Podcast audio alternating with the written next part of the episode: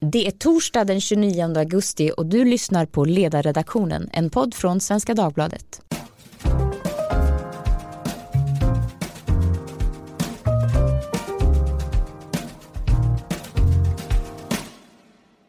Jag heter Maria Ludvigsson och idag pratar vi om Moderaternas utspel om minskad flyktingmottagning. Nästa vecka börjar den parlamentariska migrationsutredningen sitt arbete och det är inför den som Moderaterna begår debattartikel i ämnet idag. Det moderata förslaget innebär att man sätter ett volymmål för asylinvandringen motsvarande 5 000 till 8 000 asylsökande per år.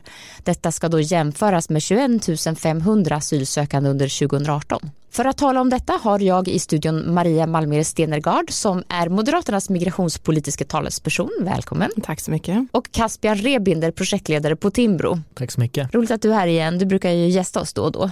Det stämmer. Välkomna båda två. Maria, jag börjar med dig. Tobias Billström och du skriver i debattartikeln i Aftonbladet att ni vill se en minskning på cirka 70 procent jämfört med dagens nivåer. Varför just den siffran? Ja, vi har ju tittat på andra nordiska länder, framförallt Danmark, Norge och Finland och sagt att det är inte rimligt om vi avviker från den nivån som de ligger på. Och om man, eh, om man räknar om de siffrorna utifrån Sveriges förutsättningar så landar vi på, på det spannet mellan 5 och 8 000 asylsökande per år. Det är samma andel ungefär? Precis. Och varför är det viktigt att ha samma andel som de här, våra grannländer?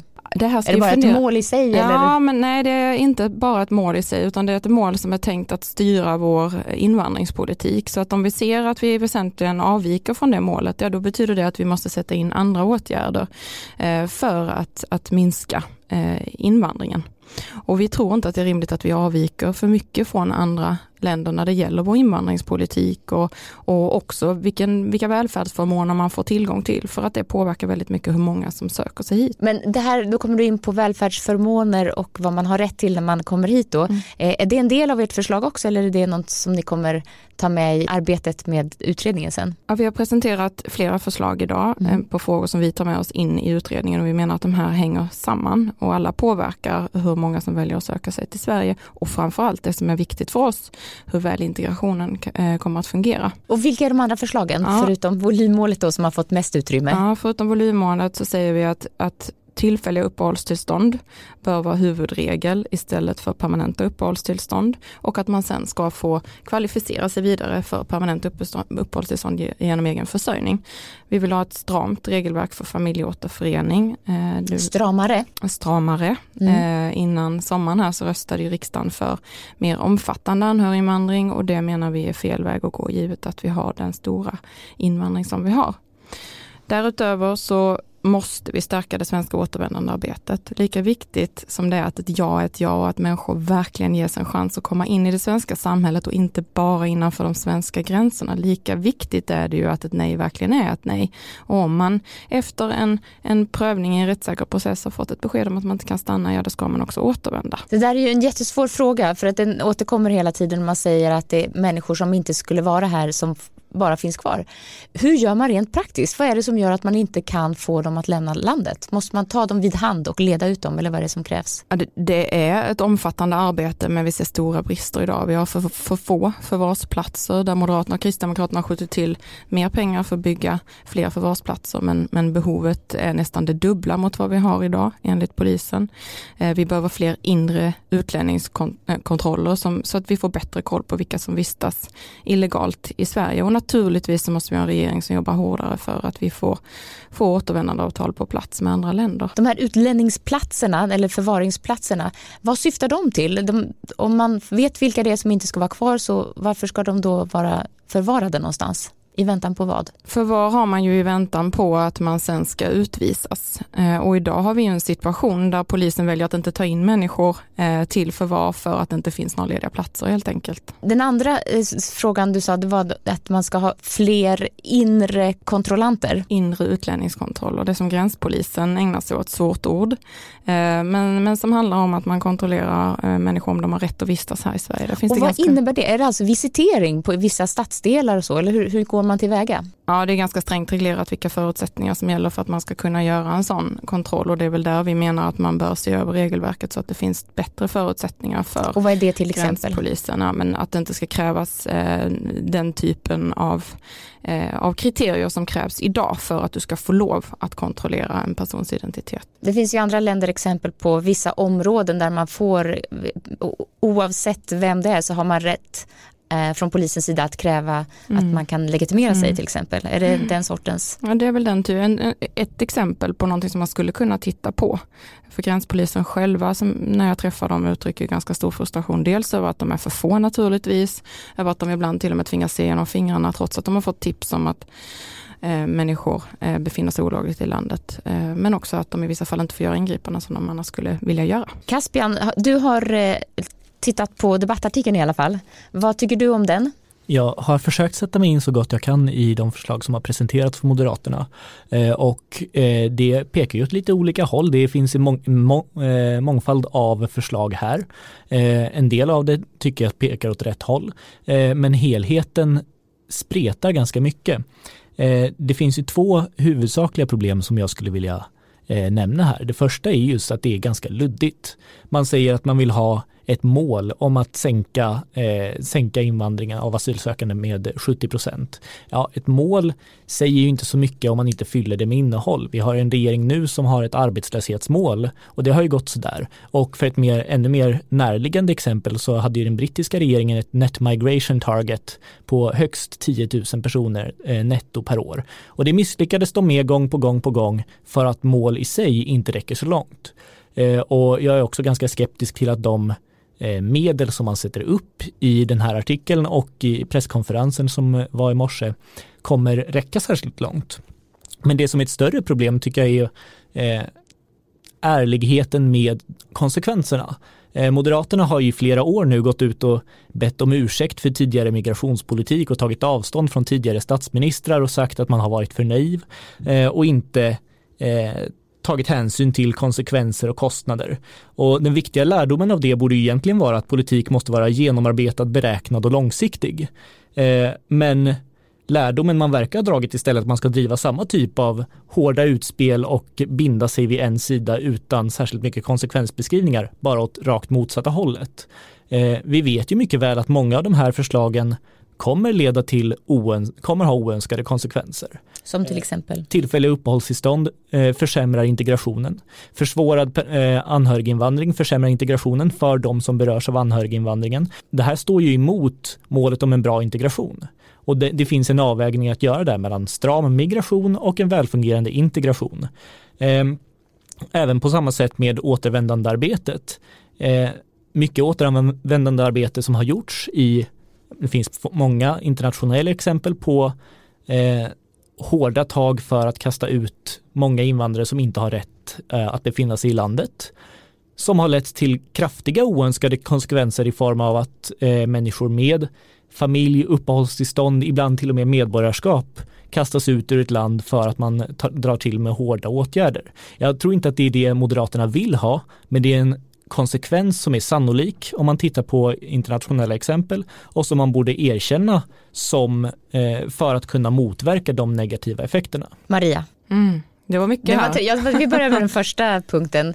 Eh, att ha en målsättning. Mm. Det är mm. ofta ett eh, politikeruttryck. Vi har ett löfte om en målsättning. Mm. Varför har ni valt att ha ett mål på det viset? Ja, eh, jag håller ju med om att ett mål i sig inte räcker. Men det ger en väldigt tydlig indikation på hur våra styrmedel fungerar. Det vill säga om vi utifrån hur vår integration fungerar, eller då snarare inte fungerar som idag, säger att vi mäktar med den här volymen på asylinvandring och vi ligger långt över det, ja då vet vi att vi måste ta till fler politiska åtgärder för att få en minskad invandring. Och det som Caspian bortser från helt här, det är ju att hur många som kommer hit spelar stor roll för vår möjlighet att integrera människor. Vi har ju fram till att den tillfälliga lagen kom på plats haft permanenta uppehållstillstånd och mycket generösa regler för anhöriginvandring och ändå har vi ett Sverige där alldeles för många barn inte får de kunskaper som de behöver för att kunna gå vidare.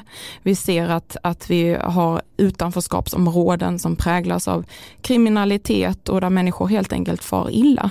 Så det är inte så enkelt som att säga att permanenta uppehållstillstånd och generösa anhöriginvandringsregler löser integrationen långt ifrån. Och vi presenterar här ett batteri av förslag men vi är absolut beredda att inom ramen för den här utredningen titta på exakt hur det ska utformas. Det är ett jättearbete, det håller jag verkligen med om och det är klart att det ska vara genomarbetade förslag. Caspian, den här, det här påpekandet att vi har ju redan idag problem med integration och då är det dumt att låta ytterligare människor komma hit och misslyckas även med dem och att det har en skadlig inverkan då på det som vi vill uppnå, nämligen integration. Vad säger du om det?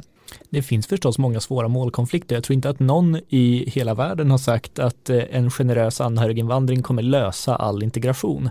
Eh, inte heller att permanenta uppehållstillstånd kommer göra det, utan här behövs det också väldigt mycket mer politik. Där vet jag att Moderaterna driver ju en integrationspolitisk eh, kommission, kommission ja. kallar ni den, eh, som jag har gott hopp för, som förmodligen kommer kunna lägga fram mycket bra eh, politiska förslag, men än så länge så har det varit ganska lite av arbetslinje och ganska lite av ekonomisk politik som har presenterats där av större värde. Så jag, det jag hoppas på är att få se mer av arbetslinjen från Moderaterna framöver. Mm. Eh, och en ärlighet i vilka steg man tar som troligen motverkar arbetslinjen och varför de ändå är värda att ta. Det, det, är naturligtvis inte så att en mer generös anhöriginvandring är det enda som påverkar arbetsmarknadsutfallet. Men en begränsad anhöriginvandring och splittrade familjer gör att integrationen blir sämre. Det är ett pris som Moderaterna är beredda att betala uppenbarligen, men som man inte vill motivera explicit. Fast om vi kommer till arbetslinjen här så kommer vi då in på de två andra förslagen som jag inte ens har hunnit eh, beröra här. Och det ena är ju att man ska uppvärdera det svenska medborgarskapet, där flit och kunskaper i svenska språket och svenska samhället ska kunna löna sig. Betyder det att man snabbare kan bli medborgare om man kan språket till exempel? Eller ja, om man, om man kan arbeta. Men generellt så vill vi förlänga kvalificeringstiden för att uppvärdera medborgarskapet från fem till sju år. Men om man arbetar och försörjer sig och är med och bidrar så ska man snabbare kunna få sitt medborgarskap. Det är ju en sån arbetslinje. En annan är ju då att kunna få permanent uppehållstillstånd. Det här får vara en stegvis Eh, raket så att säga, där människor eh, får, får vara med och bidra och i takt med det så får man också större förmåner. Och detsamma är ju det andra, eller sista förslaget ska jag säga, när det gäller kvalificering in i välfärden. Där är det inte rimligt menar vi att när man kommer hit så får man full tillgång till det svenska välfärdssamhället. Det bygger ju och alltid byggt på att människor utifrån bästa förmåga själva är med och bidrar. Och om vi har väldigt många som kommer hit och har kommit hit och som inte kommer jobb i den utsträckning som måste till, ja då kommer inte den ekvationen att gå ihop. Och vilka delar är det till exempel då ni menar att man inte ska eh, få tillgång till? Man kanske inte exkluderar sjukvård då, men olika former av för socialförsäkringar eller hur tänker ni? Nej men till exempel föräldraförsäkringen där det ju var helt orimligt fram till att man hade infört den tillfälliga lagen när man fick full föräldrapenning för samtliga barn eh, när man kom hit. Det är ju inte rimligt, jag tror inte heller det är bra för barnen utan de behöver gå på svenska dagis och lära sig svenska helt enkelt och, och komma in i det svenska samhället tidigt. Eh, så där tror jag man kan, kan titta ytterligare och sen kan det ju finnas viss typ av sjukvård kanske som man också måste kvalificera sig för. Men det är återigen extremt komplexa frågor som naturligtvis måste utredas. Ja, och det här är ju en inriktning som jag tycker är väldigt bra. Och jag håller helt med om att eh, föräldraförsäkringen borde och föräldrapenningen borde Eh, förkortas eh, och jag hoppas att Moderaterna tar fler steg och gör det även för inrikesfödda. Eh, men det finns ju fortfarande viss luddighet eh, i förslaget. Som sagt, jag, jag, förväntar mig inte att alla partier har utrett alla förslag färdigt när de presenterade.